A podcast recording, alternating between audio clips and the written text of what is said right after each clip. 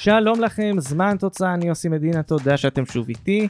לפני שנצלול על הנושא של הפרק, נזכיר לכם שאפשר למצוא את שאר הפרקים בכל אפליקציית פודקאסטים אפשרית, ועוד המון תכנים, גם בפייסבוק, זמן של מספרים, גם בחשבון הטוויטר שלי. יאללה, אל הפרק. תראו, בשבועות האחרונים העולם כמרקחה. הליגה הסעודית שואבת אליה כל כישרון אפשרי. כולם מדברים על איך המדינה המפרצית הזו הורגת את הכדורגל. בסוף השבוע האחרון יצאה הודעה מעניינת מפיפ"א. ב-2025 היא תערוך לראשונה בתולדותיה את גביע העולם למועדונים בפורמט של 32 קבוצות. מי שנבחרה לארח את הטורניר היא, לא, לא סעודיה, ארצות הברית. עכשיו, למה אני מנסה עכשיו לייצר קשר בין הדברים?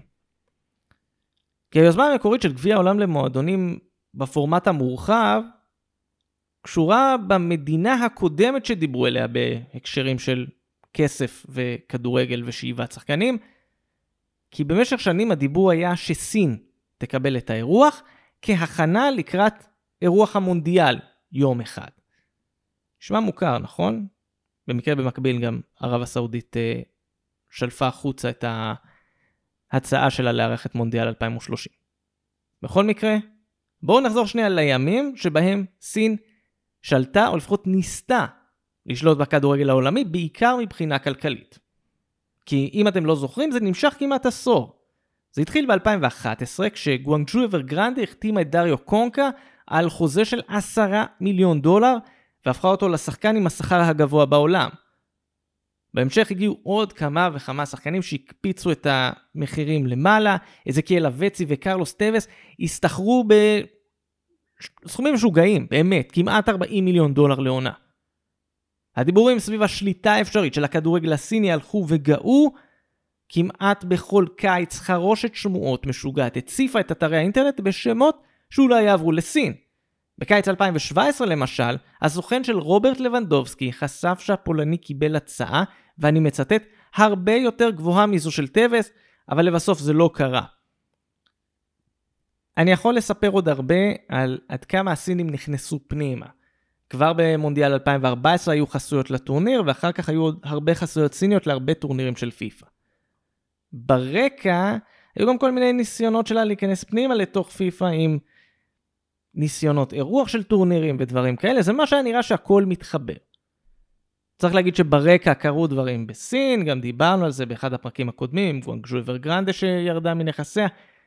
היו עוד כל מיני חוקים פנימיים בסין שקצת שינו את העניינים, כמובן קורונה.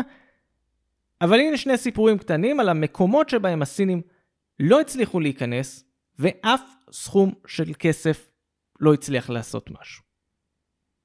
ב-2015 הליגה השנייה בפורטוגל חתמה על חוזה חסות חדש עם חברה סינית בשם לדמן. ההסכם הזה עורר לא מעט ביקורות בגלל סעיף אחד. במסגרת שיתוף הפעולה, בחוזה היה סעיף שחייב חלק מהקבוצות להחתים שחקנים ואנשי צוות סינים.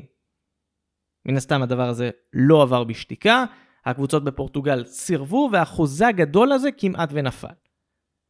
בסוף הצליחו להגיע לאיזשהו הסדר, שחקנים ואנשי צוות יצאו להשתלמויות בפורטוגל ובסך הכל הדברים התיישרו. האירוע היותר משמעותי היה סדרה של הסכמי שיתופי פעולה בין הכדורגל הסיני למדינות אחרות. גם לסעודיה אגב היה הסכם דומה ב-2018 עם ספרד וזה נכשל לחלוטין. אבל נחזור לסין, בין שיתופי פעולה רבים שהיא חתמה, היה הסכם שיתוף פעולה עם גרמניה. והדגש הוא שההסכם היה עם גרמניה, לא ההתאחדות הגרמנית, המדינה גרמניה.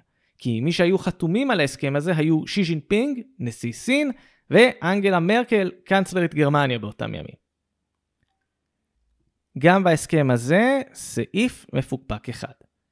בסתיו של 2017 נבחרת סין עד גיל 20, שהתחילה בהכנותיה לקראת מוקדמות הטורניר האולימפי בטוקיו, עלתה על טיסה לגרמניה.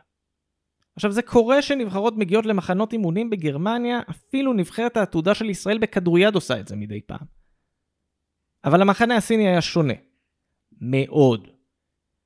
ההסכם חיבר אותם לקבוצות הרגיונל ליגה, הליגה הרביעית, ואם לדייק למחוז הדרום הערבי שבו רוב הקבוצות הן מבוואריה. בליגה היו 19 קבוצות, ושיתוף הפעולה סידר את זה שבכל שבוע הקבוצה שאמורה לנוח כי מספר אי זוגי של קבוצות, אז הקבוצה הזו תשחק משחק ידידות מול נבחרת סין. יותר מזה, הקבוצות גם קיבלו סכום כסף די משמעותי כדי לערוך את המשחק הזה. כלומר, זה לא היה כלכלי לוותר עליו. ב-17 בנובמבר 2017 נערך המשחק הראשון של נבחרת סין עד גיל 20 מול מועדון קטן בשם שוט מיינץ, קבוצה מתחת לקו האדום שירדה ליגה באותה עונה. המשחק הזה לא הסתיים. למעשה הוא לא הגיע אפילו לסיום המחצית הראשונה. הופסק מספר פעמים, כי פעילים פוליטיים החליטו להניף את דגל טיבט, והסינים לא כל כך הסכימו לשחק. המשחק השני שלהם לא התקיים, שבוע לאחר מכן יצאה כבר ההודעה הרשמית מההתאחדות הגרמנית, שבו היא לא יכולה לוותר על הזכות להפגין ועל חופש הביטוי, ובכך היא לא יכולה לרצות את האורחים מסין. אחרי ההודעה הזו, נבחרת סין חזרה הביתה באופן רשמי.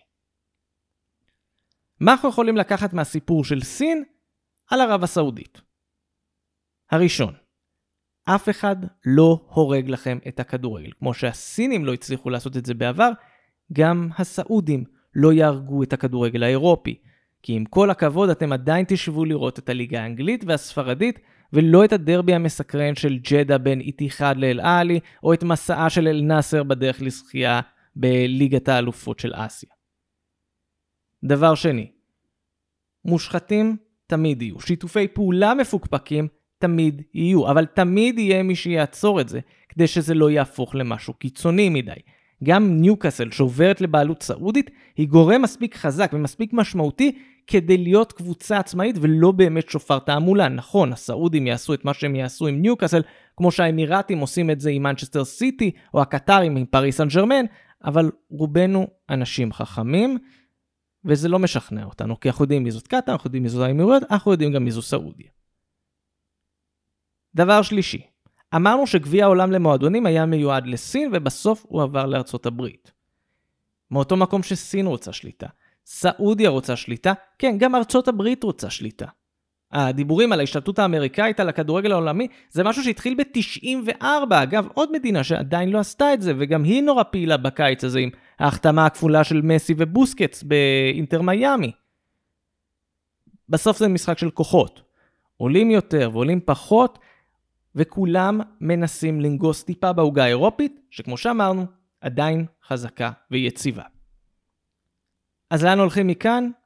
אני לא יודע, אבל לא הייתי מתיימר אה, להגיד שהסעודים הורסים פה משהו. אולי קצת מרעידים את המוכר.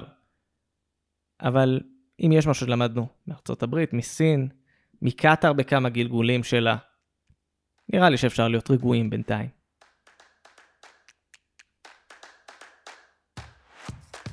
אז זה היה עוד פרק של זמן תוצאה, אני עושה מדינה, תודה שהייתם איתי. כאמור, אנחנו בכל אפליקציית פודקאסטים אפשרית, חפשו זמן של מספרים בפייסבוק, אל תשכחו את חשבון הטוויטר שלי, הכל שם. אני כבר מחכה לשמוע מכם תגובות, תהיות, רעיונות לפרקים, הבמה שלכם בי לגמרי פתוחה. יהיו עוד פרקים, הם כבר בדרך אליכם, עד אז, ביי בינתיים.